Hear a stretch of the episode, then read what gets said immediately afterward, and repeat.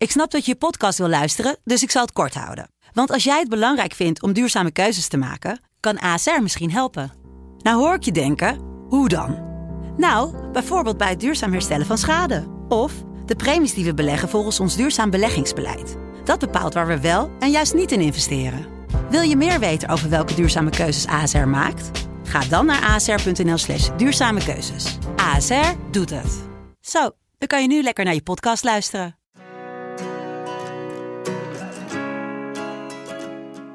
Rode rakken. Dat eh, kan je niet onderuit. Mooi man, dat het zo eh, goed met je lijkt te gaan. Wij hebben gewoon nog een, een topjaar gehad. Hoe, hoe ziet het leven van een, uh, een harddrugshandelaar dan uit? Wij hadden natuurlijk ook al de pech dat wij niks konden kopen. Zo'n soort uh, jonko-bakkertje. Daar ben ik het niet mee eens. Meer dan je best kan je niet doen, hè? Ik vind het niet sociaal om, uh, om mezelf nu een beetje te gaan promoten. Nee joh, lul. Hij, hij roept maar te pas en te onpas allerlei dingen. Pernio Jordan Verhagen.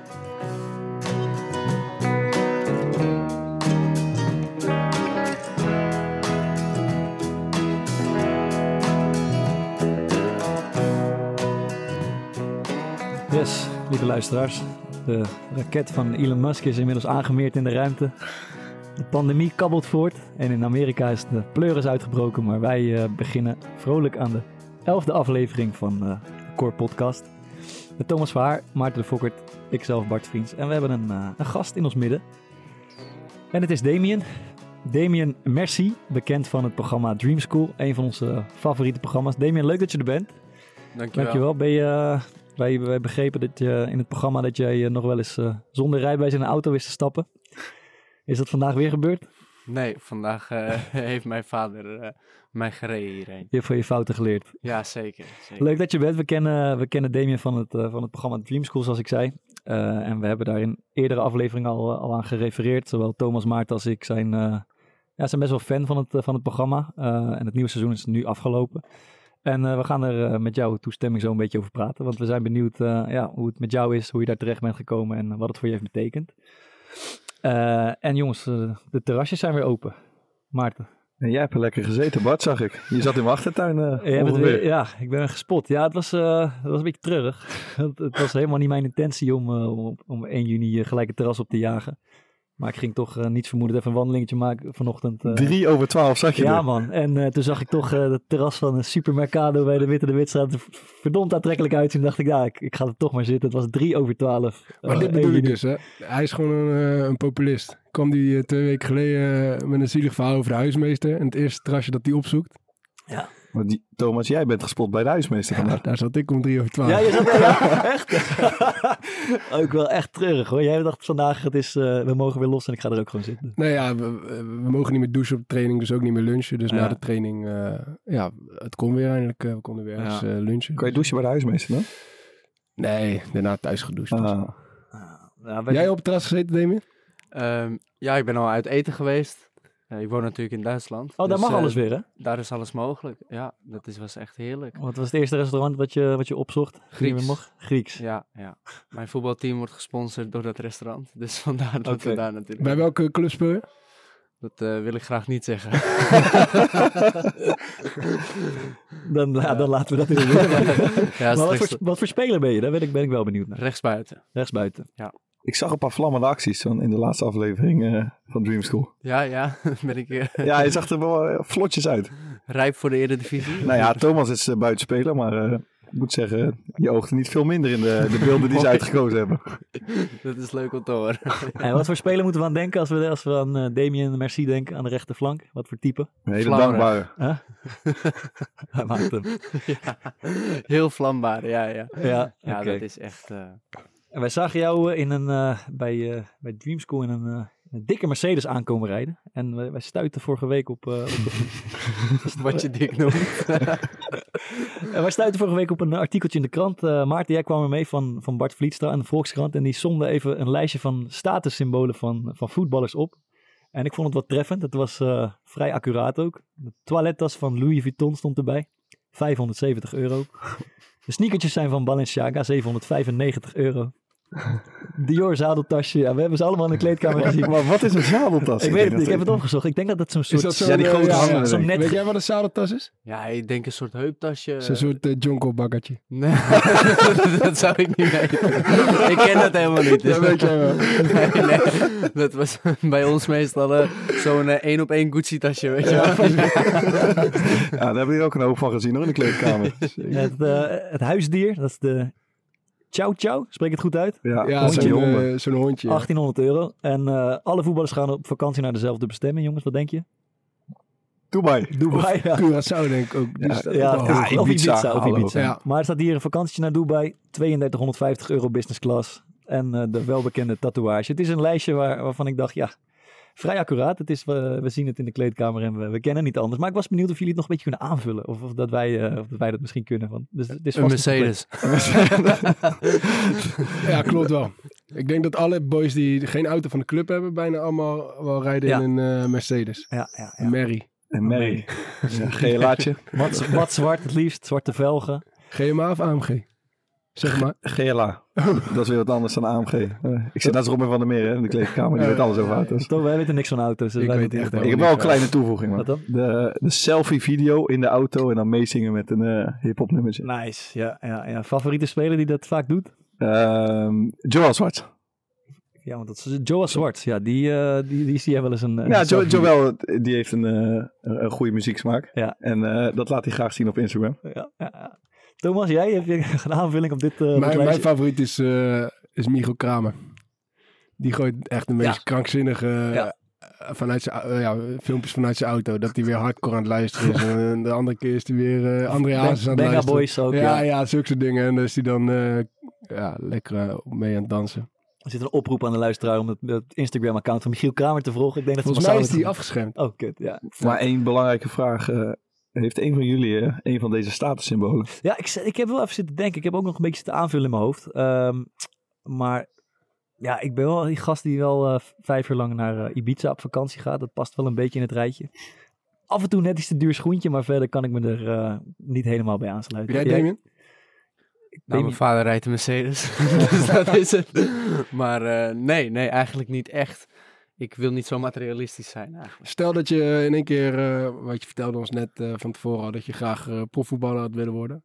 Stel je was dat geworden. Wat, wat was dan het eerste eh, wat je zou aanschaffen op het moment dat je echt veel geld zou verdienen? Een appartement in Dubai. Ja, nee.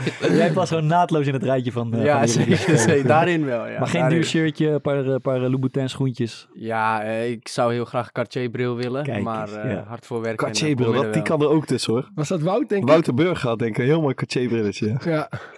ja, dat is super. Eh, ik moet zeggen, ehm, de, het is alweer een beetje uit de tijd, maar die, eh, die Dr. Dre beats, die waren ook echt niet aan te slepen in de kleedkamer. Beats by Dre, ja. Beats by Dre, ja. Ehm, en dat, eh, wat ik ook nog mooi vond, dat eh, restaurant met die kok, met die dat zout, eh, die dat zout Nusser, loopt te Nusser. stu- Ja, daar zie ik ook echt om de havenklap, de bekende voetballer. eh, Ja, maar niet zo heel veel Eredivisie-spelers denk ik. Nee, dat is misschien een net iets andere En de prijs. slippertjes? Slippertjes?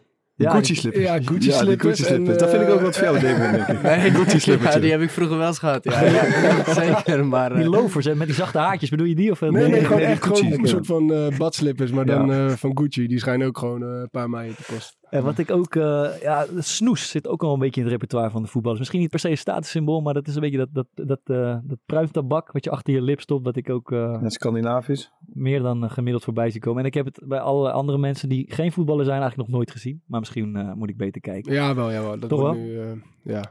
En de VIP-tafel, Thomas. Dat, dat zien we ook wel eens voorbij komen. Ik, moest, ik zat hier aan te denken. Ik moest aan denken. Wij hebben één keer in een tentje gestaan in eh, Rotterdam. En toen sloten Was we, met Lars, hè? Ja. aan bij eh, Lars Lars? Veldwijk. ja. Die een eh, VIP-tafeltje had. Die was bestaan. samen met zijn vriendin, En denk ik. Thomas, ik heb, ja, Toenmalige nog- vriendin. Ik heb Dus- nog nooit iemand zo ongemakkelijk bij een VIP-tafel zien zitten als jij.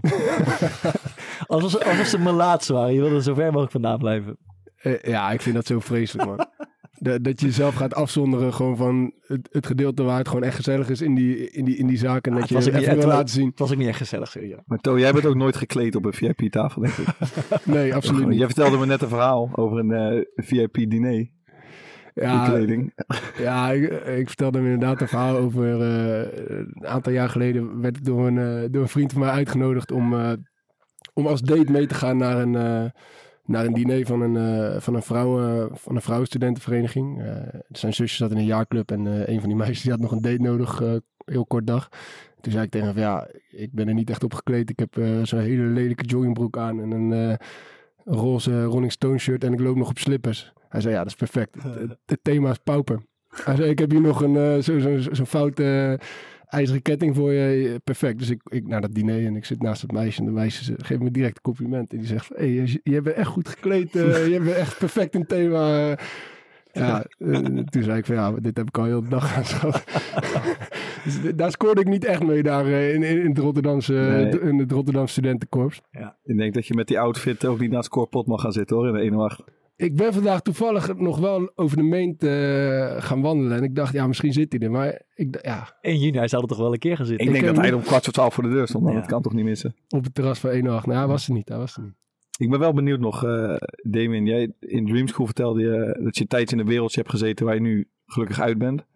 Eh, maar daar zei je wel in dat je dat deed om te kunnen leven als God. Waren daar ook niet iets van statussymbolen aan verbonden? Of iets dat je dacht, als ik een beetje geld ging verdienen, dan kocht ik dit of dat om aan mensen te kunnen tonen van, eh, ik heb nu het een en ander. Nou, ja zeker, er waren wel statussymbolen. Maar ik denk het grootste statussymbool was daar wel een wapen. Eh, niet zeg maar kleding of Mhm. iets. Eh, ja, bij ons in de buurt was het juist altijd hoe minder jij materialistisch bent en hoe minder jij opvalt, des te groter je kan worden. Eh, op het moment dat ik met een Canada Goose las of een, een Canada Goose jas of een eh, Gucci riem ga rondlopen daar, dan snapt de politie zelf ook wel hoe komt die jongen van de middelbare school daar nou aan. Ja. Dus dat is eigenlijk eh, ja, tegenovergestelde wat mensen altijd denken daarover. En voor de duidelijkheid, eh, dat gaat over de drugswereld, toch? Eh, Ja, over Ja. de drugshandel. We willen, want ik uh, daar vind het leuk om over te praten. Want het gaat, dat programma Dreams nog een keer, dat, voor de mensen die dat niet hebben gezien, dat gaat over uh, drop-outs, zoals ze het noemen. Uh, jongeren die door verschillende omstandigheden van, van school zijn gestuurd of gegaan. Uh, door gedragsproblemen, door verslaving, door een moeilijke thuissituatie of, of andere belemmeringen. Uh, en jij uh, nam deel aan die show vandaag. En uh, ik, ben benieuwd hoe, hoe jouw leven er voor Dream School uit, uitzag, waardoor jij dus geselecteerd bent, bijvoorbeeld voor dat programma. Um, nou, het was heel moeilijk. Mijn moeder die ging altijd met heel veel mannen naar bed. Daarom is mijn vader bij mijn moeder ook vertrokken. Daar had ik al heel veel moeite mee dat mijn ouders uit elkaar gingen. Ik was pas vier jaar, kreeg daardoor op de basisschool al agressieproblemen, werd daardoor gepest. Uh, ja, dan ga je een beetje voor jezelf opkomen en word je eigenlijk wel gevestigd eigenlijk al ja. daarin. En um, ja, dat bleef eigenlijk maar doorgaan. Uh, mijn moeder bleef maar doorgaan met dat soort dingen. Uh, ja, mijn broer was vroeger ook niet echt een bravetje. En dat soort dingen zag ik altijd al vanaf jongs af aan. Ook seksuele uh, dingen gebeuren in mijn ogen van jongs af aan. En ja, uiteindelijk heb ik toen de beslissing genomen om de drugs in te gaan. En om, um, ja, je, je wordt er eigenlijk een beetje ingezogen, lijkt het me. Op welke leeftijd was dat? Uh, van 14. Ja. Toen ik 14 was, begon dat eigenlijk. Hoe gebeurt dat dan? Hoe, hoe word je dan daar ingezogen? Word je dan meegenomen door uh, jongens die denken van, ja, deze jongen kan misschien wel uh, wat betekenen voor ons? Of hoe moeten we dat zien? Nou, het is meer dat ik bijvoorbeeld een machtspositie zou willen in de buurt. Ja. Uh, vooral voornamelijk om mijn moeder bijvoorbeeld te kunnen beschermen. Hè? Om die mannen, ja, ik was vroeger niet echt bepaald een brede jongen of zo. Ja. Een heel klein ielig mannetje. En toen dacht, zag ik zo een jongen en ik hoorde verhalen over hem. En die zei van, uh, nou, hij was gewoon de baas in, in de wijk. Dat wist ik gewoon. Iedereen wist dat. Niemand wou met hem fucken, helemaal niks. Dus niemand zou hem ook uh, te lang durven aankijken of zo. En ik dacht, dat is wat ik wil. Weet je, gewoon een, een soort ja, status hebben in de buurt. En uh, ja, gewoon een, een belangrijke positie. Uh, gewoon als ik zeg tegen die jongen van... hé, hey, uh, ik geef 500 euro en je steekt die even neer... dat hij dat gewoon even doet, zeg maar. Ja. Het klinkt grof allemaal, maar zo was het echt daar. En dat is eigenlijk wat je dan daarin trekt. En toen ben ik een beetje achter die jongen aan gaan lopen. Ja, en toen... Ja, dan op een gegeven moment ziet hij natuurlijk ook potentie in jou, omdat je niet veel te verliezen hebt. En dat weet hij natuurlijk. Ja, ja en dan gaat hij daarin uh, inspelen, op inspelen. Ja, je bent niet dom, denk ik, hè? Nee, nee, ja. zeker niet. En hij ook helemaal niet. Ik, die, nee, die jongen die is echt heel intelligent. Ja. En die weet echt wel hoe hij uh, ja, ons jongeren kon manipuleren daarin. Ja. Maar dat, um, ja, dat, ja, hij was gewoon een heel krachtig persoon. Ook ondanks al dat soort dingen die hij deed, was hij ja, heel sterk. En deed hij gewoon eigenlijk heel normaal. eh, hij, hij liep ook niet met dure, dure kleren Ja. en zo. Het was echt een, een, een voorbeeld, laat ik het zo zeggen. En ja, dan ga je daar naar opkijken en dan doe je gewoon wat die gasten zeggen. En dan op een gegeven moment dan, ja, begint het met een tientje wiet verkopen. En dan tien keer tientjes wiet verkopen. En dan ja, rooi je er zo in. En op mijn achttiende kwam ik op een gegeven moment... eh, ja, ging, ik was een beetje heen en weer gegaan van mijn vader naar mijn moeder. Omdat ik gewoon eigenlijk wel er al uit wou. Maar ja, toch hoorde ik dan van mijn moeder allemaal dingen dat ze me miste en zo. En dan vind je het heel moeilijk als jong iemand ook om te zeggen... Nou, eh fuck jou, weet je, ik kom niet terug. En dan ging ik gewoon weer. En ja, dan, dat was de foute keuze. Toen ben ik gewoon weer, weer teruggegaan. En toen eh, in de harddrugs gegaan, omdat mij dat aangeboden werd. Want de mensen wisten al dat ik kwaliteiten had in onderhandelen met mensen, vooral qua drugs. Eh, ja, zo, zo rol je er eigenlijk in. En dan op een gegeven moment heb je gewoon het gevoel dat je, dat je er eigenlijk niet meer uit kan, dat je eraan vast zit. Hoe, hoe ziet het leven van een, eh een harddrugshandelaar van een jaar of eh, 17, 18 er dan uit? Drukker dan een voetballer. ja, dat kan ik je garanderen. ja. Je had een groot klantenbestand. Ja, zeker, zeker. Nee, maar eh, voor mij was het, eh, ik deed het samen met een compagnon en eh, zijn vader. En ehm, nou ja, mijn dag was eh, s ochtends opstaan en dan lekker naar eh, hun toe gaan. En dan ging ik daar even lekker eh, ontbijten met hun. En dan ging ik eh, met die jongen, dan bracht ik die jongen trouwens naar de sportschool, want dat deed hij. En dan kreeg ik de telefoon en dan ging ik lekker aan het werk, zo gezegd. Ja. Nou, en dan is het echt eigenlijk wachten op telefoontjes, hele dag rijden, geen rust, eh, ja, met vrienden zijn. Gewoon, ja, je kan eigenlijk, je hebt eigenlijk zoveel vrijheid, maar ook weer niet. Ja, je Ja. kan ieder moment... eh, ja, een, een vriend van mij die, eh, die, die, die heeft wel eens wat gebruikt. En die heeft dan eh, het nummer van zo'n dealer. En die krijgt dan gewoon via WhatsApp eens in de zoveel tijd gewoon een hele lijst met een soort van, eh, soort van aanbieding. Gewoon met ook in Ja. hoofdletters zo van eh, uitverkopen. En dan, eh, en dan gewoon alles wat hij heeft met de prijzen erachter. En dat stuurt hij volgens mij... Stuurt hij dat gewoon eens in de zoveel tijd naar zijn complete eh, eh, contactenlijst. Ja, dat is gewoon eh, zoals een bedrijf werkt, werk je ook. Ja, dat, Maar ja, dat is toch fucking makkelijk om daar om dan gepakt te worden. Ik bedoel, als je dat zomaar eventjes naar iedereen Ja. stuurt zonder dat je precies weet. eh, ik heb niet het idee, want hij is niet echt een frequente gebruiker. Dus hij krijgt dat gewoon, ja, hij blijft dat ook gewoon krijgen. Ja, dat is natuurlijk het risico die je neemt. Dat is de keuzes die je zelf neemt. Ja, Ja. ik zelf heb dat ook zeker wel gedaan. Dat, daar ken ik me echt goed in. Maar ja, meer eh, dat ik dan bijvoorbeeld naar iemand toe ging die mij al had gebeld. En dan had ik gezegd, nou, als je er drie wou, dan eh, betaal je bijvoorbeeld eh, Ja. 75. Maar als je, halen, twee betalen. ja, precies. En twee is dan 60. Ja, dan neigen ze toch sneller van, oh, ik regel nog even 15 euro, weet je wel? En dan, ja, want die mensen, die, ja, zo gaat het En eigenlijk. verkocht je dan ook echt aan mensen die gewoon echt zwaar verslaafd waren? Ja, zeker. Dus zeker. die Ik- daar echt eh, gewoon echt problemen mee hadden. Ja, ik had wel. eh, eh, ik heb bij iemand gewoond en ik betaalde mijn huur met dat. Ja, ja gewoon zo makkelijk was het. Ja. Ik maakte eigenlijk gewoon winst op degene waar ik woonde. zo makkelijk Ja. was het eigenlijk. Ja, het is, ja, het is eigenlijk niet voor te stellen hoe simpel dat allemaal kan. Ging, er- Ja. ging er veel geld mee gemoeid ook in, in jouw geval? Of was, er nog, was dat misschien nog niet helemaal jouw, eh, jouw status? Nou, ja, ik was eigenlijk eh, ook een, eh, een, een oplichter. Zo Ja. noemden ze me wel. ik heb op een gegeven moment dacht ik niet aan mijn klantvriendelijkheid meer. Ja. En dacht ik gewoon aan, aan geld. En ik, ik zag niet genoeg. Ik wou nog meer uitgeven. En ja, dan ga je zeggen tegen hun van nou, als je die en die aanbieding wil en eh, je koopt dat bij mij, dan eh, geef maar je geld en dan haal ik het. En dan kwam ik nooit meer terug. Ja. Ja, dat heb ik op een gegeven moment vaak gedaan. En zo is eigenlijk mijn reputatie kapot gegaan. En die status, want je, je zegt dat, dat het ongeveer begint met een soort zucht naar een status van iemand die een beetje angst inboezemt en eh, misschien om je, om je moeder ook te beschermen thuis. Is dat, heb je dat aan, aan ontleend, die status die je dacht te krijgen? Eh, wat is ontleend? Ja, het gelukt dus, zeg maar, wat je wilde. Wat je wilde nee, bereiken ermee. Nee, dat, Ik bedoel, voelde je eh, op een gegeven moment van, eh, ik ben nu die gast in de Ja. buurt die, eh, die, die, eh, die angst inboezemt, die, die wat voorstelt, die geld heeft, die, die lijntjes uitdeelt. Nou, die angst inboezend wil ik niet zeggen. Lijntjes Dat- uitdeelt, hoor? Ja, ja, ja. Nee, nee. Niks was gratis, hè. Niks was gratis. Nee, maar eh, nee, nee, dat was ik eigenlijk helemaal niet. En eh, dat was ook op een gegeven moment niet echt meer mijn doel. Ja. Ik wist gewoon dat ik dat niet, hè, ja, mijn doel was gewoon zoveel geld maken dat ik een wapen kon kopen. En dat kost gewoon zeker wel 2000 euro. Ja. Dus daar wou ik eigenlijk hard voor werken, maar het ging er altijd eigenlijk eh, nog harder uit dan dat het binnenkwam. En welke heb je gekocht als eerst? Geen één. nee, die hebben we nog niet gehad. Dus, eh, en dat houden we ook zo. ja. Hey, en school dan in de tussentijd? Want je bent dan in een leeftijd dat je denk ik, ik weet niet of je nog leerplichtig bent, misschien aan het begin wel. Eh, maar daar, hoe, is, hoe is dat verlopen? Eh, ja, elke keer aangemeld voor nieuwe opleidingen door leerplicht en dat soort dingen. Maar Ja. nooit, nooit gegaan eigenlijk. Oké. Wel eens de eerste gesprekken en zo. En dan kwam ik wel eens een weekie. Ja. Maar na die week dacht ik ook, ah, dit is niks. Ik ga weer. Ja. En dat is misschien nog niet eens heel, heel lang geleden, want dit, dit Dream School verhaal zei je, dat is, dat is negen maanden geleden afgelopen. Eh, en vlak daarvoor zat je nog in, in dit circuit waar je, waar je net over praat. Ja. Oké, oké. Wat was nou het moment dat je ermee wilde kappen? Wat, heeft dan de, wat was de druppel? Eh, ja, dat, eh, ik had een...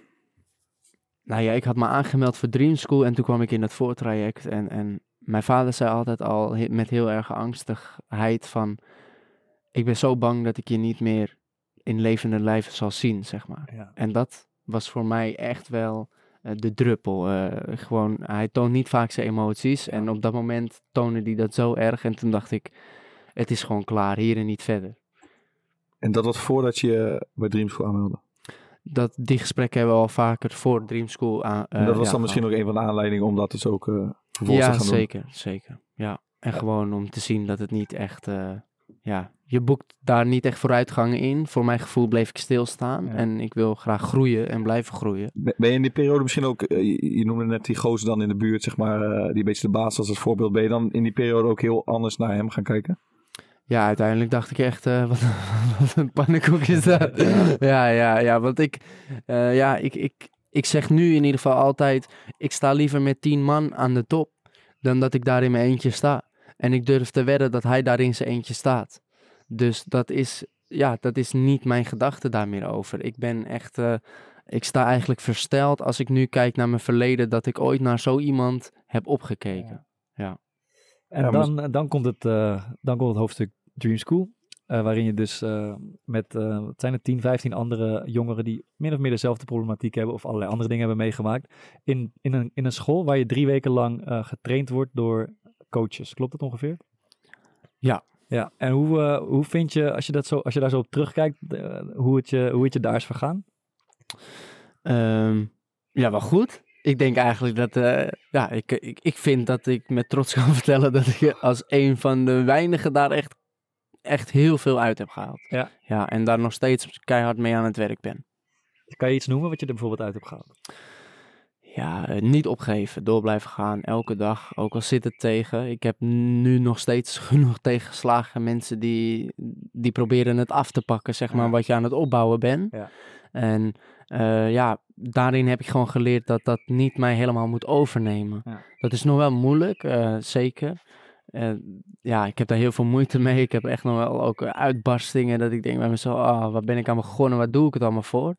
En, maar dat is, ja, dan uiteindelijk, dan heb je gewoon een gesprek met mijn, heb ik een gesprek met mijn vader. En ik heb een hele leuke vriendin gekregen en daar, daar bel ik dan mee. En dan zeggen ze van, ja, je doet het niet voor niks, jongen. Je gaat zien waar je komt. Ja. En ja, dat geeft mij alleen maar zoveel motivatie. Ja, wat ik echt het mooiste vond eh, in die, in, die, in die aflevering die ik heb gezien, is dat op het moment, je hebt een aantal keer aanvaring gehad en dat was dan echt ja, zwaar emotioneel, zeg maar, dat je echt vanuit je emotie reageerde. En op het moment dat dat eerste moment van emotie voorbij was, Ja. En mensen kwamen dan met je praten of boden hun excuus aan, of weet ik het wat, dat het dan ook gewoon gelijk weer, eh, dat, je, dat je ervoor zorgde dat het, goed, dat, het, ja, dat het gewoon goed werd gemaakt. En dat je daardoor eigenlijk allebei eh, eh, sterker eruit kwam. Dat, dat, was, het- dat is wat mij het meest is bijgebleven. Dus, Ja, dat was leuk om inderdaad bij jou te zien, Damien. Dat, je zag daar best wel wat jongeren die, als die werden geconfronteerd, dat ze eigenlijk zo kwaad werden nog van het feit dat ze geconfronteerd werden. Dat het helemaal dan maar niet constructief is. Dus dat ze er eigenlijk, eh, ze zijn zo bezig met het feit dat er iemand boos op hun geworden is. ehm, dat ze dan helemaal blind worden eigenlijk voor de les die ze daar kunnen krijgen. En dat was wel leuk om bij jou te zien. Dat je inderdaad wat Het zegt. ging vrij snel. Ook, Ja, dat je, je, je, werd, je reageert heel heftig, heel emotioneel. Maar ja, dat is een van de redenen waarom je daar bent. Maar dat je vervolgens altijd heel erg open stond voor het verhaal wat bijvoorbeeld Lucia of Erik te vertellen had. Ik denk ook dat dat echt een hele goede les voor Ja, mensen of is. met, eh, hoe heet ze, Hanneke, Hanneke Groenteman. Ja, ja. Ja, dat vond ik- interview, ja. Ah, dat was schitterend. Dat vond ik wel een interessant moment. Want zij, eh, het was een soort les in interviewtraining. En eh, jij ging als eerste, dus dat was een, dapper besluit. En na afloop werd, werd jouw eh, interview werd, werd ge- nagekeken. En er werd een beetje, je kreeg een beetje commentaar op de manier waarop je dat deed. En jij trok dat heel gemaakt. Ja, Ja. ja, ja. ja, ja. Dus ik zag aan alles, Damien trekt het heel slecht. Ja, zeker. Ja, dat was ook een van de zwaarste momenten tijdens Dream School. Want ja, ik, ik zat daar echt op die stoel van, oh, ik wil er een klap geven. Maar Ja. toen dacht ik, nee, die vrouw is 82, laat maar. laat maar. ja, en dat, nee, maar dat, het is mooi ook dat eh, in ieder geval ik het gevoel altijd kreeg dat hun het echt ook meenden, het Ja. excuses. Ja. Het was niet zo van, oh, Damon, sorry. Weet je wel? En dat ze diep van binnen denken van, je moet gewoon je mond houden. Nee, je zag echt ook aan hun, eh, aan hun lichaamstaal, aan hoe ze met mij communiceerden. Ja, Zij, zij was, schrok, zij zij was, schrok daar ook. zij was er echt kapot van. man. Ja, Ze is ja. Zo, Dat eh, dat ze je zo geraakt had. Dat Zeker, eh, ja. Dat is een hele mooie scène was dat, man. Ja, Heb je ook dingen nu teruggezien van jezelf dat je denkt van, godver... Nou, dat met de pannenkoekenbakken. ja, dat is echt... eh, ja, dat, ik zat er al helemaal tegenop te kijken dat het op tv kwam. Wat, eh, wat- kan je uitleggen wat er gebeurde? Nou, eh, ik zou moeten koken en twee weken lang had ik me gewoon niet op die lijst gezet. Ik dacht, ik ga dat niet doen, want ik kan nooit koken. Ik heb het nooit gedaan Ja. en zo. Dus ik dacht, nou, daar ga ik echt niet aan beginnen, weet je. Of die broodjes maken, dag, ik ben niet... eh, ja, dat, dat, laat dat maar aan die vrouwen over. weet je. maar in ieder geval, nee. Toen eh, ja, hebben ze zoveel gezeurd aan mij achter de schermen van... Ja, Damien, ga, je, ga nou, ga nou. Weet je wel, je moet wat doen. Je moet dat doen. Ja. En toen kwam eh Araskaya met het idee... eh, ga dan lekker pannenkoeken bakken. Ja. Nou, met aardbeien en slagroom. Toen dacht ik, nou, dat doen we dat wel. Dat is lekker makkelijk. Nou, dus ik dat gekozen. En vervolgens zit ik daar rustig sigaretje te roken om daarna te gaan koken. En de les was zelfs nog bezig. En toen kijk ik door het raam. En dan zie ik gewoon in één keer die schijnheilige jongen van een Jelle Hooi maken. daar staan. ja, daar kon ik echt kwaad om worden. Maar zeg maar, dat, dat, is ook om, dat was gewoon puur omdat hij ook al die plek bij dat dansen, eh, zeg maar, had gedaan. ja. Want die jongen heb echt wel donders goed doorgehad dat ik drie keer had gezegd tegen Ja. Joefat van mag ik daar staan? En dan doet, vraagt hij dat gewoon. Ja. En eh, ja, nog steeds eh kan ik daar echt wel heet hoofd over zijn, maar oké. Er was Ja. die, die lieve kokkin, die was daar dan, die was de dupe daarvan. Ja, nou ja, ik vond gewoon dat ze mij wel even had kunnen melden dat ze dat ging doen, toch? Ja. Ze zeggen altijd tegen ons dat wij in bespreking dingen moeten doen. Ja, ja, moeten ja. doen. En dan vervolgens, ja, dan eh, Ja. doen zij dat niet. Ja, dan vind ik dat eigenlijk een beetje hypocriet. Ja.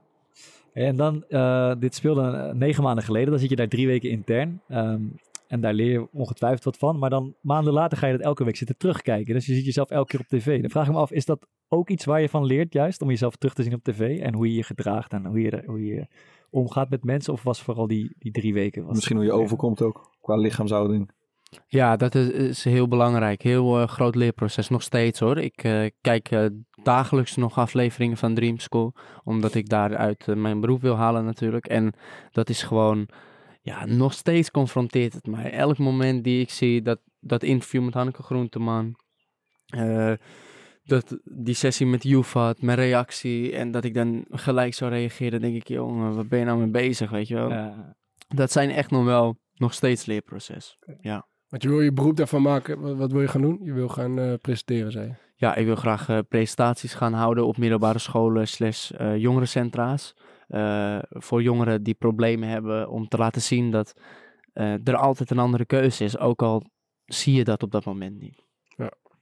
Oké, en eh, eh, Dream School eindigde vorige week in de laatste aflevering met het beeld eh, van, van jij met je vader. En je vader is in tranen en jullie omhelzen elkaar en spreken elkaar uit dat eh, je vader spreekt uit dat hij zo trots op je is en, eh, en jij op hem en jij trots op jezelf.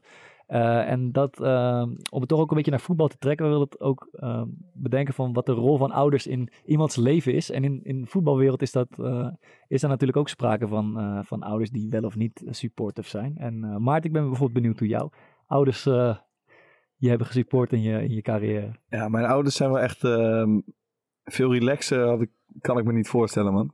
Mijn moeder zei altijd, ik woonde vroeger in Maasland, een klein dorpje. En dan Ja. liet ze me uit, dan ging mijn vader me naar, naar Feyenoord brengen. Ja. En dan zei ze alleen, eh, meer dan je best. En dan moest ik hem aanvullen, kan je niet doen, hè? dat, en als we wel wonnen of verloren, het interesseerde ze. eh, ja, natuurlijk ze hoopte dat ik het goed deed. Ja.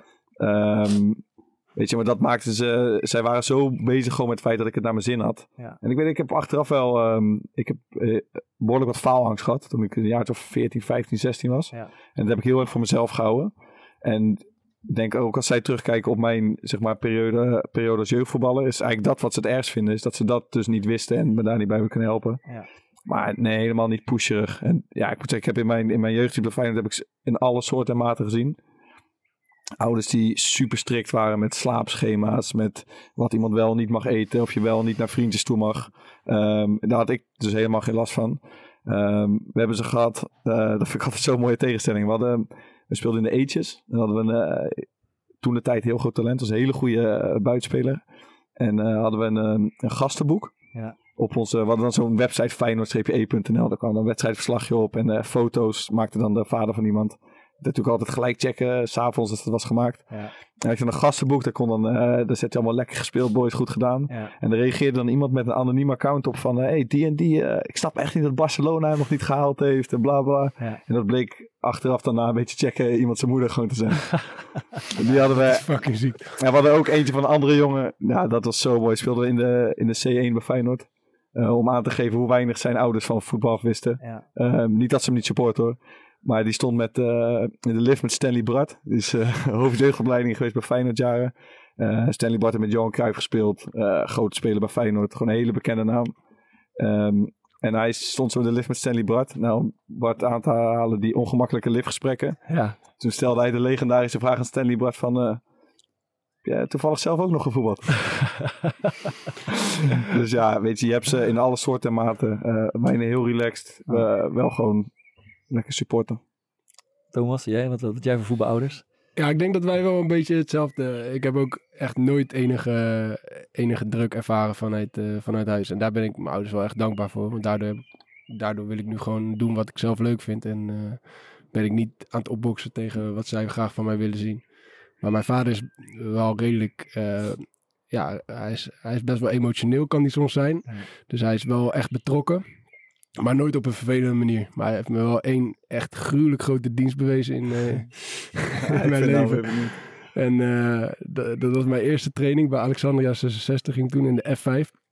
Toen stelde de trainer die stelde de legendarische vraag: eh, en is er nog iemand die zou willen keepen?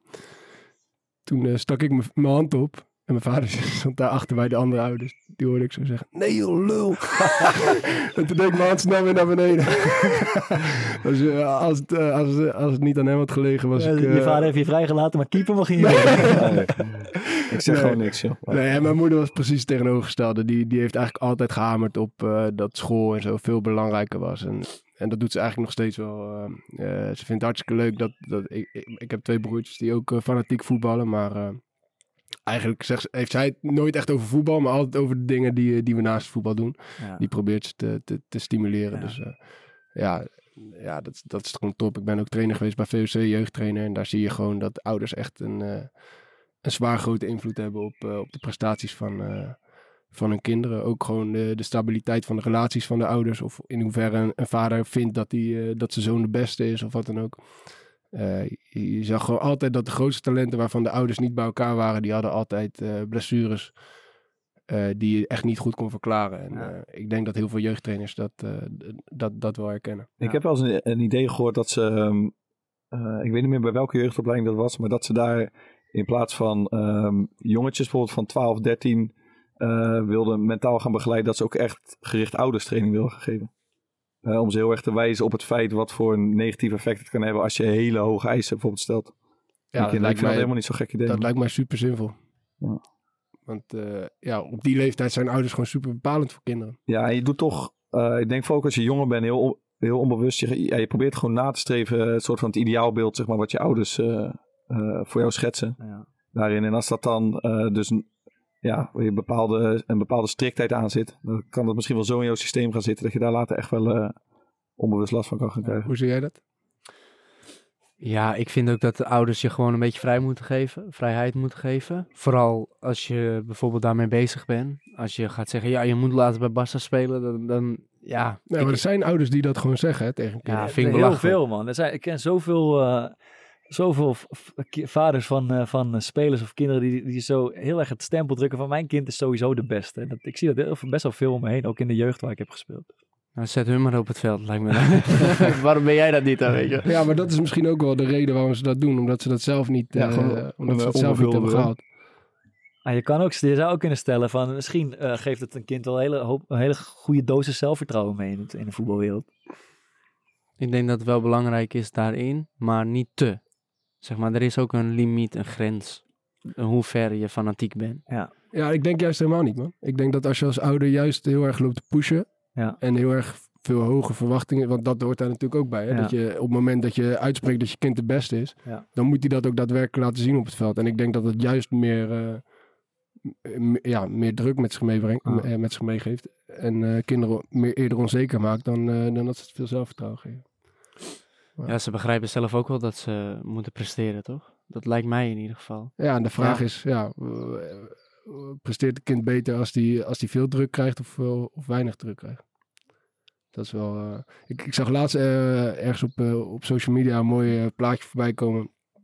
eh, met zo'n bord langs het veld. Daar hadden, bij een amateurclub had iemand zo'n bord neergezet en daar iets op geschreven. En daar stond op eh, de eerstvolgende keer eh, wanneer u uw kind eh, advies toeschreeuwt van langs de lijn. Dan eh, noteren u gelijk als, eh, als jeugdtrainer. Ja, dat vind ik wel heel sterk. ja, want dat willen ze allemaal niet, die ouders. Maar Bart, we zitten nu in de tuin van jouw vader. Ja. Hangt een heel lekker idyllisch Italiaans sfeertje. Ja, je hoort ook, uh, Ik hoor- op de kop en dan hoor ik steeds vogeltjes het, is echt, het is, het is rustgevend, maar was ook, eh, is dat ook zeg maar het sfeertje wat jij hebt meegekregen van huis uit? Ja, heb, eh, mijn vader is, eh, hij zit hier achter op beterlijst, dus ik ga nu eh, het liefst zeggen. Nee, hij is ook gewoon heel supportive geweest, altijd. En hij is ehm, uit en thuis al jarenlang altijd bij de wedstrijden geweest. En ik vind het altijd heel tof als je, ehm, eh, als je in zo'n sta groot stadion speelt bij een uitvak. Je weet nooit precies waar die zit, maar we zwaaien altijd even naar elkaar. Ja. Maar nou, hij kijkt wel op een, eh, eh, altijd op een, met een licht roze bril naar eh, mijn spel. Ik denk dat hij, eh, hij zit hierachter. Hij denkt nog steeds dat Feyenoord deze zomer voor mij gaat bellen bijvoorbeeld. Dat zou ik ook niet gek vinden. Ze zoeken nog jeugdtrainers. "Pap, Ja, ik, pap, ik weet het niet. Ja, ik zou het ook, hij is verfijnder. Hij zou het schitterend vinden. Maar daarvan denk ik, ja, ah, ik weet niet of dat helemaal in de lijn der verwachtingen ligt. Maar op, op die manier is het wel... Ik herken dat wel, want ik heb Ja. zoveel wedstrijden gespeeld voor Jong Heerenveen. Ja. En dan maakt het niet uit of we thuis speelden, dat was eigenlijk super ver voor Rotterdam. Of. Jong VVV uit. Altijd mijn pa zo langs dat zijlijntje kwam die rond de warming-up aan. En dan toch even zwaaien. Ja, ja, dat is toch leuk. Jullie dat ook in, inhoudelijk? Ik heb met mijn vader wel op de, zeker v- toen, vroeger toen hij nog naar de wedstrijden reed, hadden we altijd wel op de terugweg het, eh, het, het vader-zoon gesprek over de wedstrijd. En eh, eh, waarin we het altijd even, de, even gingen nabeschouwen wat er goed ging en wat er niet goed ging. En daar was die, daar was die niet overdreven kritisch, maar hij had wel een redelijk helder beeld van de wedstrijd. Dan hadden we het dan wel even een half uurtje over altijd. Hebben jullie dat ook? Nee, ik had mijn mijn broer altijd, man. Ja? Ik zag niet al mijn wedstrijden, maar ik... ehm, eh, mijn broer heeft me eigenlijk getraind al vanaf dat ik een, een jaar of vier was. Ja. Echt al achter op de stenen bij ons. Ja. En eh, hij was vroeger ook zelf keeper, maar hij is er toen op een gegeven moment mee gestopt omdat hij te klein, hij vond zichzelf te klein. Maar ja, we waren daar heel gedreven in, zeg maar. We maakten elkaar helemaal gek. En op een gegeven moment was dat standaard, gingen we zondagochtend en we gingen door de week bijna iedere avond. En dan kwamen we na een half uur weer terug, jankend, schreeuwend. En dan gingen we daarna nog een keer. Ja. Maar ik heb dat meer, wat jij zei, dat, dat meer met mijn broer. Maar hij, is hij- ik moet zeggen, hij kijkt wel altijd, eh, Ja. of keek altijd heel kritisch. Ja. Ja, mijn broer die, is, die beleeft mijn wedstrijden echt alsof hij zelf speelt. Erger nog dan, dat, dan alsof hij zelf speelt. Die, eh, die, die, die, krimpt in één als ik, als ik dreig een fout te maken. En die springt echt een gat in de lucht als ik iets, eh, als ik iets goed doe. Dus die echt heel... Mijn vader is wat eh, analytischer wat dat betreft. Ja. En mijn broer is echt heel emotioneel bij, bij de wedstrijden betrokken. Die kan ook echt heel kwaad worden op teamgenoten van mij. Als ze, als ze, met, als ze met de pen naar gooien en, en dat soort dingen.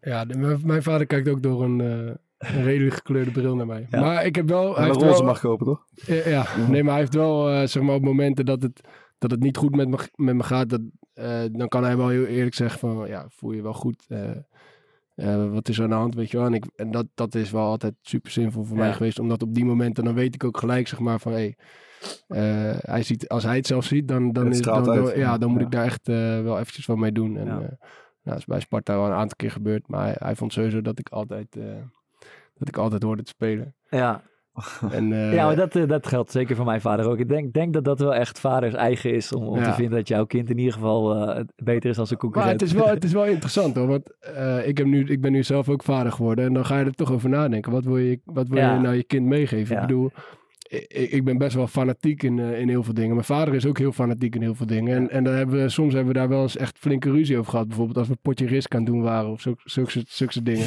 Dat, het gewoon, dat het gewoon uit de hand met mijn broertjes erbij. En eh, ja, de- iedereen weet wel hoe dat gaat, Monopoly. En ja, dat wordt soms wel als, als wat negatiefs gezien, zeg maar. Daar hangt altijd een beetje een negatieve walm over, over, over dat prestatieve gedeelte. Maar als je dat op een goede manier mee kan geven, dan denk ik dat, dat je, je je dochter of je zoon ook echt wel veel kan brengen. En, eh, Nou ja, ik, ja, ik Ja. denk zelfs dat je, dat je misschien wel als, eh, als ouder eh, in staat bent om een topsporter van je kind te maken. Als je daar maar genoeg, als je daar maar genoeg uren, tijd en, en aandacht ja, dat vraag ik me af. Dat, Nou, dat, is, dat is natuurlijk een beetje een, een wankel standpunt. Maar bijvoorbeeld als je dat... je moet natuurlijk een dosis talent hebben. Maar als je dat verhaal van Andrew Agassi, tennisser, leest... Of eh, John van Lotten, de andere tennisser waar ik al eerder aan heb gerefereerd. Die zijn zo ja. ongelooflijk gedrild in hun leven. Dat ze een tyfushekel aan tennis hebben gekregen. Maar dat ze wel zoveel uren in die sport hebben gestoken. Dat ze gewoon Ja, maar dat op is een heel hoog niveau eindigen. De belangrijke vraag is dan, we hebben liever een gelukkig kind of een topsporter? Zeker. Ja, nee, het is... Want, eh, het aan het is werk is hier, want die was niet... en ik heb een stuk van John van Lotte Maar gezien. jij, maar die jij niet... jezelf zo tegen. man. Ja, maar die Nou, niet vorige compleet keer met, eh, over Michael Jordan, toen, toen zat je het precies tegenovergestelde te prediken. ja, dat je en ik- vond dat, dat ze misschien wel zo goed waren ondanks Michael Jordan en niet dankzij. Dat kan toch niet voor Nee, John het gaat meer om- de wind staat anders vandaag, Nee, het- Hij lult met de wind mee. Ja, een rode rakker is het. Nee, het lijkt me een vreselijke manier om in het leven te staan. Maar ik bedoel, als je, als je ervoor zorgt dat je, dat je, als je je kind eh, enthousiasmeert voor bijvoorbeeld tennis. En daar eh, uren, uren, dit gaat gewoon over uren maken, uren maken, training, training, training. Je kind naar toernooien stoppen, je kind naar eh privé training gooien. Dan, dan is de kans toch best wel aanwezig dat je daar uiteindelijk een, een professionele tennisser van maakt. Nou, ik denk dat die kans echt super klein is. Oké, ja, dat, dat zou kunnen. Ja, als je zo goed kan tennissen als André Agassi, dan, dan, dan komt dat niet omdat je vader heel zijn leven... Ja, je ik weet niet of je dat boek hebt gelezen, maar er is Ja, maar ik denk wel dat dat bij meer mensen gebeurt misschien dan je denkt. Dat mensen echt... Oké, misschien Andrew Agassi is echt extreem, want hij bouwt een monster in zijn achtertuin. Die bal op hem eh, bijna doodschiet. Hij bouwt gewoon een tennisballenmonster die duizend ballen per minuut op hem afvuurt. En dat jaar in jaar. uit. Ja, je gaat er wel lekker van tennissen kijken. ja, maar, maar ik denk best wel dat de ouders gewoon ehm, iets minder extreem dan dat, maar gewoon wel heel erg eh, die prestatiedrang erin willen gooien. En Ja. dat daar veel minder eh, succesverhalen eh uitko- uit Heel veel clubs waren ook super blij met die coronacrisis nu. Dat die ouders niet meer op het, eh, op het terrein mochten blijven. ja, ja. Dat, ja, en dat kinderen daar gewoon echt eh, beter van gingen spelen. Ja. En eh Damien, hoe is, het, hoe is contact inmiddels met je ouders? Want daar ben ik nog wel even benieuwd naar. Met mijn vader supergoed. Ja. Ik eh, woon bij hem. En eh, ja, het is niet alleen mijn vader, ook mijn grote vriend, eh, Ja. mijn broer, alles in één. Hij, eh, hij zal altijd achter me staan en Ja. dat, dat vind ik eh super mooi om te zien. En met mijn moeder wat minder. Ja, die spreek ik nog wel, maar ja, het is Ja. moeilijk, ja. Het is voor mij nog steeds ook een beetje een strijd in mezelf om dat soort dingen van het vroeger los te laten. Ja. Ik probeer het wel, maar ja, dat soort dingen, ik- voor mijn gevoel zou ik dat nooit kunnen accepteren, zeg maar. Oké, want tijdens, eh, tijdens Dream School was op een gegeven moment was je volgens mij nog in, in contact met je moeder. En op een gegeven moment, eh, midden in die, in, die, in die reeks van uitzendingen, verbreek je eigenlijk het contact met je moeder. Ja. Ja, en dat is nu eigenlijk nog steeds de, de situatie. Ja, ik heb haar wel eh één of twee keer gezien daarna Ja. al. Gewoon een spelletjesavond bijvoorbeeld thuis. Ja. En dat is wel gezellig. Ja. Maar ook gewoon, ja, er komen een aantal negatieve dingen ook altijd weer bij kijken. En Ja. ik vind, ik weeg altijd het positieve en het negatieve af van dingen. En ja, soms heb ik nog wel het gevoel dat ze me meer negativiteit geeft in het leven dan positiviteit. Wat vond zij van je, van- van je Dream School avontuur? Ja, zij vond dat wel heel leuk. Ik, in ieder geval, ik, ik, weet dat ze daar wel trots op is. Eh, alleen ze vindt het natuurlijk heel moeilijk dat ik haar een beetje zo eh, ja, op beeld breng. Hè? Dat is natuurlijk wel, Confronterend. ja, voor haar ook. Eh, het is niet alleen voor mij een proces, maar ook voor ja, mijn ouders. Ja. En dat is, ja, ze heeft zichzelf daar niet echt over uitgesproken. Ik geloof dat ze ook niet alle afleveringen heeft gekeken, eh, gewoon voor zelfbescherming. Wat, zie- wat, wat zie je zelf als de grootste verandering die je hebt doorgemaakt in die weken daar? Of misschien ook in de maanden daarna. Maar gewoon als je nu jezelf vergelijkt met twaalf maanden geleden. Mijn werkmentaliteit. Ja, ik ben nu echt eh 24-7 in mijn hoofd bezig met, met wat zal ik doen, wat kan ik creëren om, om verder te komen in mijn leven. En dat was vroeger totaal niet zo. Nee, toen zat ik altijd blowend op een bankje. En Heb dat je, was heb het. je doelen gesteld op korte termijn? Ja, zeker. Concrete doelen? Ja, zeker. ja. Nou ja, het is in ieder geval eh, mijn YouTube-kanaal wil ik heel graag eh, ja, gewoon openen en daarmee iets heel moois kunnen bereiken. En gewoon leuke video's, een beetje, ja. Eh, Inspirerende video. ja, gewoon daar ook een beetje vrijheid in kunnen bieden in mezelf en, en mijn vriendin. Want daarin eh, doe ik dat samen met mijn vriendin. En ehm, ja, dat, dat, daar wil ik echt wel, zeg maar, mee groeien snel. En ja, wat mijn concrete doel is, is eigenlijk echt die presentaties op scholen. Ja. Dat is echt eh, nu een van de belangrijkste dingen in mijn leven waar ik mee bezig ben. Dus na de vakantie. Ja, zeker. Na de zomervakantie zal ik echt eh, daarin gaan knallen. heb je daar al contacten mee of heb je die presentatie al gemaakt? Of hoe, eh? Nou, ik ben nu bezig met, eh, ja, zeg maar, het is heel moeilijk met die beelden. Hè? De, de NPO en NTR doen allemaal zo moeilijk altijd. En Ja. grijs gebied. hè, terwijl, zeg maar, als er een haataccount even eh, een video wil pakken van een Dreamschool, een fragment, dan kunnen ze dat gewoon op internet gooien en geen probleem. Maar op het moment dat ik het op school eh, wil laten zien, Ja. dan moet ik gaan betalen bijvoorbeeld. Serieus? Ah. Ja, en dat zijn echt dingen waar, waarom ik nu op tafel zit daarin. En dat is echt wel, eh, ja, belachelijk vind ik. Maar oké. Ja, want je wilt gewoon gebruiken om, eh, om de lessen die je daar hebt geleerd, om die aan andere jongeren mee te geven. Dat lijkt mij toch Ja, gewoon want je, je bouwt de soort van hun missie, ga je op verder en daar willen ze je dan niet bij helpen. ja, want ja, dan nog zeggen geld ze- voor. Ja, want dan zeggen ze van, eh, ja, maar je mag het wel gratis gebruiken als jij geen geld ervoor vraagt. Ik zeg, ja, maar ja, werken jullie elke dag gratis? Nee toch? Nee. Ja, en dat is echt gewoon zo krom. Maar oké, ik, ik, daar moet ik gewoon nog met hun om tafel gaan. Ja. En dat is nog best wel ingewikkeld. En, maar voor de rest, Heb je iemand die je daarbij helpt? ja, zeker eh, de nazorg. Ja, dat wil ik nog weten. Want ik las eh, eh, dat de groep van de Dream School seizoen van vorig seizoen, geloof ik. eh, die groep die was nogal kritisch over de nazorg die ze kregen. Dat was, er was, werd zo'n hoop beloofd van we, we gaan in het traject na Dream School nog met jullie om de tafel en bla bla bla. Maar ze zagen daar niet heel veel van terug. En ik ben benieuwd hoe, hoe jij dat nu ervaart. Nou, dat is ook, ik wil even goed duidelijk maken dat dat iemand anders was, geloof ik. Eh, zeg maar een, een, een nieuw persoon. Ja. Nu hebben wij weer, zeg maar, eh, de nazorg van seizoen 1 en 2 gekregen. Oké. Dus daarin ehm, vind ik gewoon dat hij alles doet wat hij kan doen. Hoe ziet dat er dan uit? Je voert gesprekken met die, eh, met die man? Ja, hem- en telefonisch, hè. Eh, ja, hij zit natuurlijk op verre afstand van mij. Dus telefonisch hebben we heel veel contact. Telefonisch betekent hij wel dingen voor mij. Ja. Ja, dat- dat- ik verwachtte wel wat meer, maar ja, dat hoort er gewoon... Wat, Ja, wat, had je bijvoorbeeld verwacht dan? Ja, dat hij me wat meer eh, zou bellen bijvoorbeeld. Mm. Eh, eh, dat Lucia en Erik bijvoorbeeld ook een beetje hier zich nog in zouden mengen. Mhm. Maar dat is totaal niet zo. Die spreek ik eigenlijk echt eh, niet. Nee. Gewoon nee, nee. Dat is gewoon. Ik snap dat natuurlijk wel, omdat hun ook een druk leven hebben. Maar Nou, toch hoop je er misschien wel op. ja. precies gewoon een berichtje of zo, weet je, dat, dat lijkt mij superleuk. Maar dat is al te veel gevraagd, denk ik. Ja. En, maar Marco doet daarin eh, zijn best, de, man die de nazorg doet. Die, die, Ja, je ziet hem ook een aantal keer in die afleveringen voorbij komen. ja, zeker. En En hoe ver hij, heb jij die eh, beelden nodig nou voor je presentatie? ehm, Zijn ze essentieel of zou je het ook zonder kunnen? Nee, ze zijn wel essentieel. Ja? Het is mooi omdat... eh, ja, het, zou- het geeft extra... Precies, Ja. ja. Ja, Ik kan wel daar een uur lang gaan lullen tegen die kinderen. Maar dan worden ze ook op een gegeven moment allemaal... Ja, Ja, maar toch denk ik wel in. dat je... We zaten net voor de podcast ook al even te praten. En als je je verhaal doet, maar je kan wel mensen boeien. Ik weet niet of je daar natuurlijk die beelden zou super zijn. Maar ik denk wel dat je echt een goed verhaal kan doen. Ook zonder per se dat visuele erbij.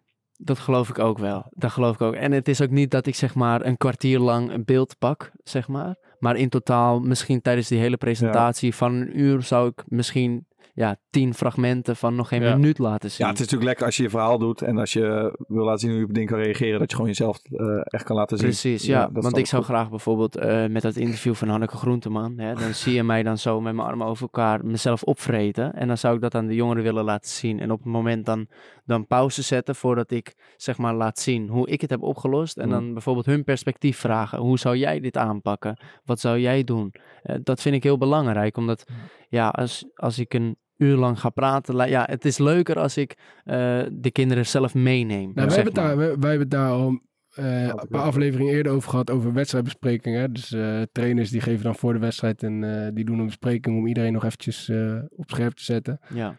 En wij waren van mening dat dat eigenlijk, dat er niet zo heel veel blijft hangen als iemand iets zelf vertelt. Dat, en dat op het moment dat het met beelden een beetje wordt weergegeven, dat het dan al beter is. Maar dat eigenlijk het beste is dat je, ik denk bij zo'n college, dat je die kinderen ook, of echt, echt gewoon meer eigenaarschap geeft. En ook echt betrekt, zeg maar. En dat, eh, dat ze ook zelf wat moeten doen. In plaats van dat ze achterover kunnen gaan zitten. En, eh, Daarom. En dat is denk ik ook wat bij jullie vaak heel goed werkte. Eh, dat idee kreeg ik als, eh, als de jongeren eh, en jij ook het idee hadden dat er echt wat van je gevraagd werd. En betrokken werd bij de les. Dan zag je met sommige mensen die, die kwamen binnen en die zaten erbij van, hey, wat de fuck ga ik hier doen? En dan stelde iemand één gerichte vraag en dan ineens, whoop, rechtop. Eh, zit, zit, zit zo. En ja, die interactie is natuurlijk hartstikke mooi. Als je, wat jij zegt, dan geef je mensen eigenaarschap gewoon zelf over het proces daarin. Ja, zeker. Want de les van Jimmy Nelson heb ik weet niet. Ja, daar zie je hem echt gewoon man. mensen pakken. En hier ga jij staan, hier heb je scherm, weet je wel. En hier zo en zo. En dat vind ik zo mooi hoe Ja, hij. Ja. Hij zet je gewoon midden in zijn verhaal. Ja. gewoon Ja. echt alsof je daar bent wat hij, hij jou probeert uit te Hij leggen. liet ook helemaal geen ruimte, had ik het idee, om zeg maar niet erin mee te gaan. Precies, ja, ja, ja, je kon echt niet uh, Chloe of zo. Want je ziet ook bij een aantal lessen, jullie zitten soms even onderuit gezakt en je ligt op zijn tafel te slapen en anders gaat even eten. Ja, ze buiten. Want het is moeilijk om zo'n groep eh, leerlingen te blijven boeien. Maar het zijn een aantal docenten is het, is het gelukt om, eh, om jullie echt, echt binnen te slepen. En daar was Jimmy Nelson er wel één van. Ja, die, die heeft het echt eh, het, het meest mooie aangepakt, Ja, vond ja. ik. Ja, ja. Mooi man, dat het zo eh, goed met je lijkt te gaan. Eh, en we hebben, we hebben meer mooi nieuws eh, uit, het, eh, uit, uit het land. Want we hebben vorige week eh, de Barkie van de Week uitgereikt. Eh het toernooitje Two Touch is er nog niet van gekomen. Maar er is wel wat moois ontstaan. Want eh, mijn eh, populistische, hoe noemden ze mij? Rode, Eh, rode, Rode rakker. rakker. Ja, mijn eh, linkspopulistische verhaal over eh, eh, Mo van het Spelershoof van Sparta. Eh, is, is wel blijven hangen, godzijdank. En dat is, eh, dat is wel heel leuk, want er zijn een aantal mensen, of er is een aantal mensen die eh, vrijwillig eh, heeft besloten een donatie te doen aan, aan Mo. En daar zijn we heel dankbaar voor. Een daarvan is bijvoorbeeld Van Dalen Gastrobar in, in Vlaardingen, die Mo een, dinebon met zijn familie ter waarde van 100 euro heeft gedoneerd. Ik kreeg een bericht van Ken van Leeuwen. Meester Ken van Leeuwen noemt hij zichzelf. Ook hij stelt een eh, speelgoedbon voor de, voor de kleine van, van Mo ter beschikking. We hebben Rita van Hardenveld. Maarten, jou bekend? Ja, dat is mijn moeder volgens mij. Hartstikke lief. Ook jouw moeder heeft besloten om, eh, om, eh, om eh. Samen met mijn vader bedenk ik. Leuk, leuk, leuk. Ja, ze hebben gede- gedeelde rekening. Ja, ik denk het. Hij, moet, hij moet genoemd worden, jongens. De huisrecensent van de Core Podcast. Joes, iedere week is het neersabelen of ophemelen. Maar ook hij heeft een mooi gebaar getoond. En, en ook 100 euro ter beschikking gesteld. En tot slot een gemeenschappelijke vriend, Stijn Spierings. Oud-Spartaan heeft ook eh, de handschoen opgepakt. Ja, Volledig hij eigen werd, hij beweging werd bij. RKC een beetje eh, neergezet als, eh, als geldwolf. Hè, toen hij graag weg wilde in de winterstop. Maar hij, hij toont ook Hij is aan een dat hij straatje gewoon... aan het schoonvegen. ja, ja, ja. maar beter op deze manier dan... eh, Ja, en er waren nog een aantal eh, waar we nog een soort van mee in gesprek zijn. Ja, hartstikke leuk. Het wordt totaal uit eigen beweging overigens. Het wordt eh, enorm gewaardeerd. En we gaan het, eh, in ieder geval morgen ga ik eh, naar Mo toe om een aantal van deze donaties al te overhandigen. Eh, en het interview is terug van weg geweest. We hebben het een paar weken even laten schieten omdat we te veel aan het lullen waren. Maar ik heb wel heel erg veel zin in een, in een nieuw interviewtje deze week. Thomas, Ah, en het dit is, is- jouw, eh, het is jouw show. Ja, een aantal jaar geleden was ik eh groot fan van, eh, eh, van een Facebookpagina die heette Voetbal TV. En daarin werden, eh, ja, werden voetballers eh, nagesynchroniseerd. Met een, eh, met, met een wat Marokkaans-achtig eh, Nederlands stemmetje. En ik, heb daar zo, ik zat daar altijd zo van te genieten. Donnie Eh, Laagstreepje Money. Donnie Laagstreepje Money. En de mooiste is natuurlijk gewoon eh, eh, Mark van der Marel. Die gewoon heel eh, alter ego aangemeten kreeg. eh, MOB van de Maro. MOB. en van van der de, Marel. van de Marel. En eh, de afgelopen week is hij weer actief op, eh, op Facebook en op Instagram. En eh, hij heeft een paar nieuwe filmpjes ge- geplaatst met eh, eh, premier laagstreepje Markie. We Dus, gaan eh, eh, ja, echt genieten. met Mar- eh, dit, dit blijft de mooiste. Dit is, MOB dit is van de van de eerste, ja. met eh, Maxime Hartman. Daar gaan we. Eh, je bent 1,77 meter, dat is niet lang voor een verdediger. Hoe compenseer je dat? Eh, door mijn status. Kijk, tuurlijk, gooi, ik gooi ook liever eerlijk gezegd die pannetje of akkatje. Maar dat zit er niet in bij jou. Ah nee man, ik zeg eerlijk, ik ken niet voetballen vriend, snap je? Volgens de trainer ben je een hele belangrijke speler, maar vooral in de kleedkamer. Wat bedoelt hij daarmee? Ah, luister flikkertje, ik ga je vertellen. Kijk, ik ben, eigenlijk ben ik de verbinding tussen de jongens van de streets en het voetballen, snap je? Een soort mediator. Ah, millimeter ook goed, tassa. Je wordt ook wel eens de hoer van het team genoemd. Ah, luister, luister, wie noem jij horen? Kom gezegd. Ja, Kijk, oké, dat koerenpak kan mij niet schelen, snap je? Dat mag je. Eh, Wees er maar trots op. Ah, kan mij niet schelen, vriend. MOB van de Marel. En eh, ja, Dat is natuurlijk mooi, maar wat nog mooier is, we zijn eigenlijk heel erg benieuwd wat Mark van der Mager hier zelf van vindt. Ja, zeker. Dus we gaan hem even bellen. Ja.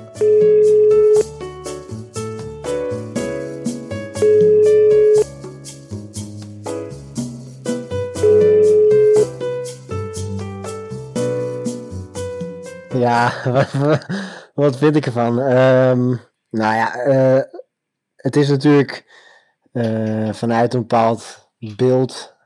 Ja, kijk, het gebeurt misschien niet zozeer direct over de grote, grote de aarde, weet je. Dus volgens mij is hoor ik Michel Breuer daar ook iets over zeggen. Een bepaald cynisme misschien erachter zit. Of sarcasme. Eh, ja, goed, zolang het eh, respectvol is en, blijft, dan, vind ik het leuk. En het, ik heb ook heel veel leuke reacties voornamelijk ervan gekregen hoor. Dus vrienden en, en familie die er eigenlijk helemaal stuk om gaan. En, en het niet te serieus nemen. Kijk, ik weet wel, en voor mij is dat inmiddels verwijderd, maar in het begin, een van de eerste filmpjes, die was wel een beetje naar, zeg maar. Dus daarbij werd ik een beetje te kak gezet, blijkbaar. Ik heb het zelf niet eens gezien, maar eh, ja, dan, dan, ja, dan vind ik het minder, weet je. Maar ja, goed, als, eh, als het met de knipoog is, moet je zelf ook niet te serieus nemen.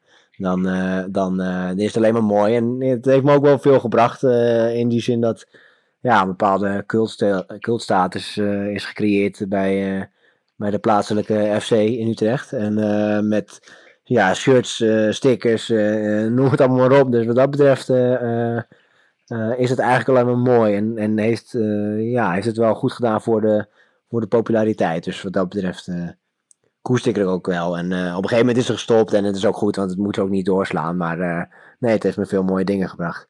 Er is er met de MOB van de Marel een nieuw alter ego geboren in, in de kleedkamer.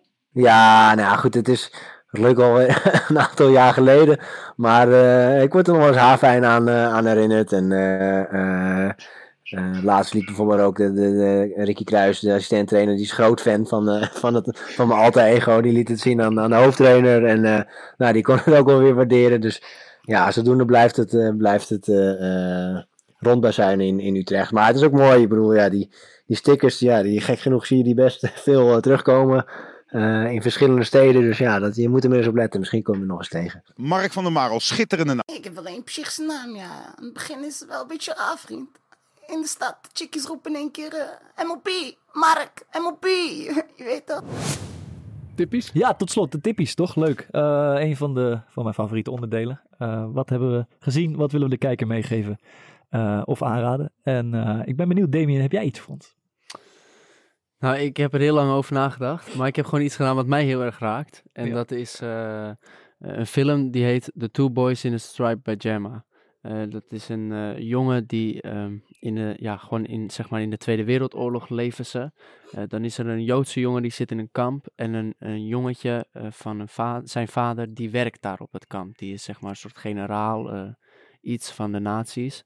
En dan dat jongetje gaat op een gegeven moment, eh, vindt hij een weg door het bos naar dat jodenkamp. En hij weet helemaal niet wat dat is. Ja. Hij begrijpt het niet. En dan zie je dat hij op een gegeven moment dat jongetje ontmoet, eh, een Joods jongetje. En die staat dan in zo'n striped pyjama. En dan gaat hij op een gegeven moment met hem spelen, terwijl er dat hek tussen zit. Eh, uiteindelijk gaat hij met hem zijn ouders zoeken in dat kamp.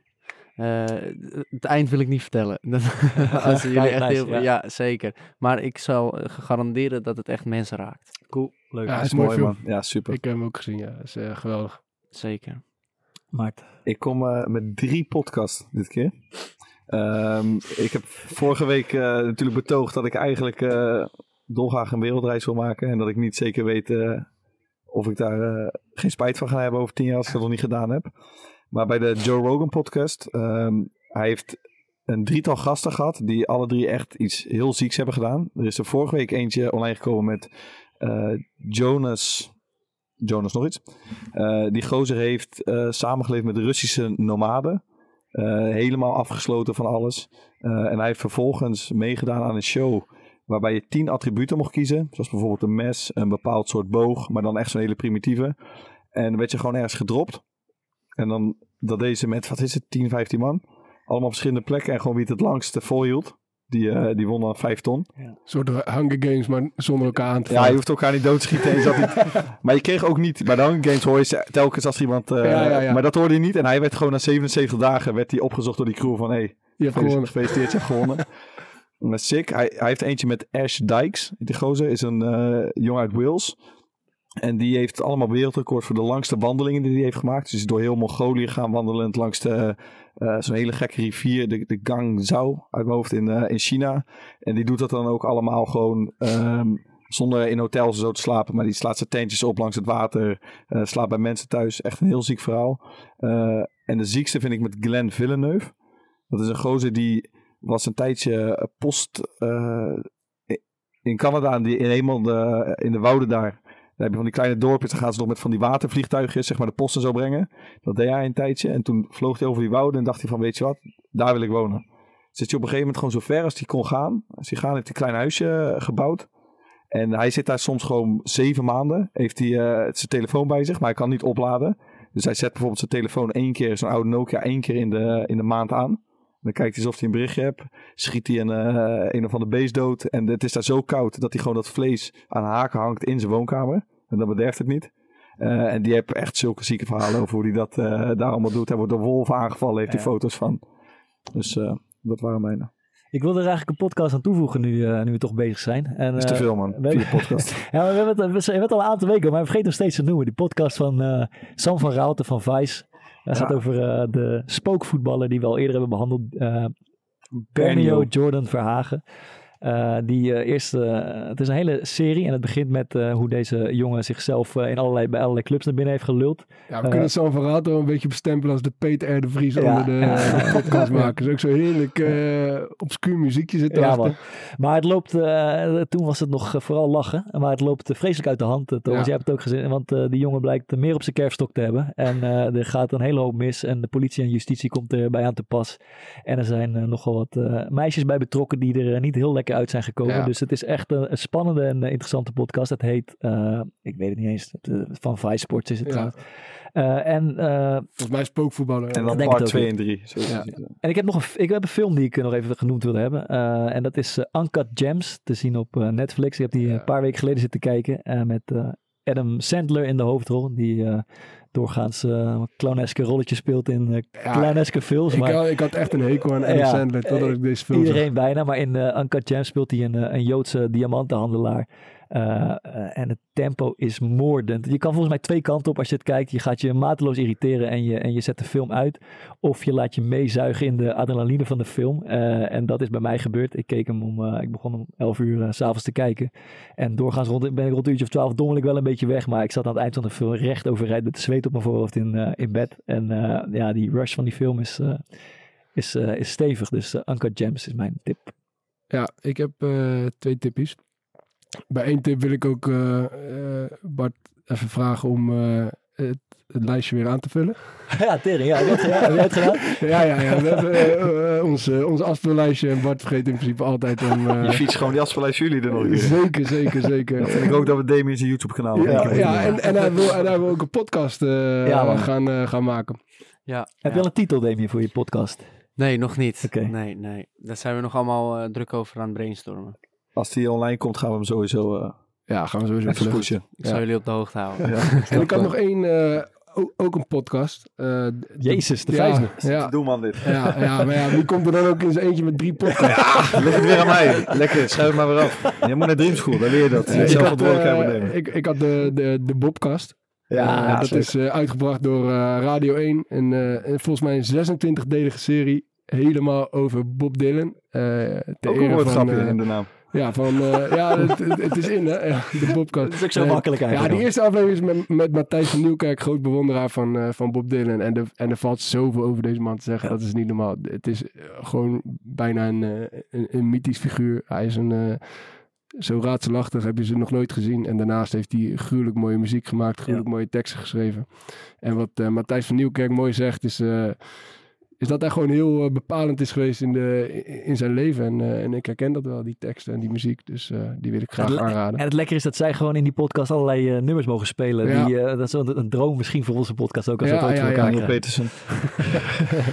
Eh Damien, heel leuk dat je er was. Echt, eh, wordt gewaardeerd. Leuk verhaal. Merci. Ehm, we hebben twee dingetjes voor je. We hebben hier in ieder geval een, eh, een, eh, een shirt van Sparta. Ik weet dat het niet jouw club is, maar misschien eh, als je met dit shirt door de stad Ja, gaat ga lopen, ik zeker dragen. wordt het langzaamaan eh, jouw shirt. Alsjeblieft. En, Super, en Maarten heeft ook iets voor je. Ja, en we hebben een, eh, een boekje voor je. Het obstakels te weg heet die. Ik denk, eh, nou, treffend. En ik hoop, eh, of we hopen dat je er wat aan hebt. Dankjewel, dankjewel. Heb Super jij, bedankt. heb jij dat shirt nou ge- geregeld bij iemand van wie we zijn naam absoluut niet gaan noemen? Ik heb geen idee over wie het van Sparta. Ik weet het zelfs. mijn, mijn grootste vijand. Hij luistert wel, ja. Hij Ja, luistert wel. We gaan zijn naam weigeren om uit te Ja, ja, ja, dat, dat vindt hij zelf veel te fijn. Hij heeft al drie keer opgebeld van ga mijn naam nou alsjeblieft noemen. En we weten, hij wil het zo Hij, hij roept mij ook af en toe, dan wil hij allerlei onderwerpen in die podcast doen. dus materiaal van Sparta, als je luistert, dan ga je naam niet doen. Eh dames en heren, bedankt voor het luisteren. Damien, tof dat je er was. En eh, tot volgende week. Allee.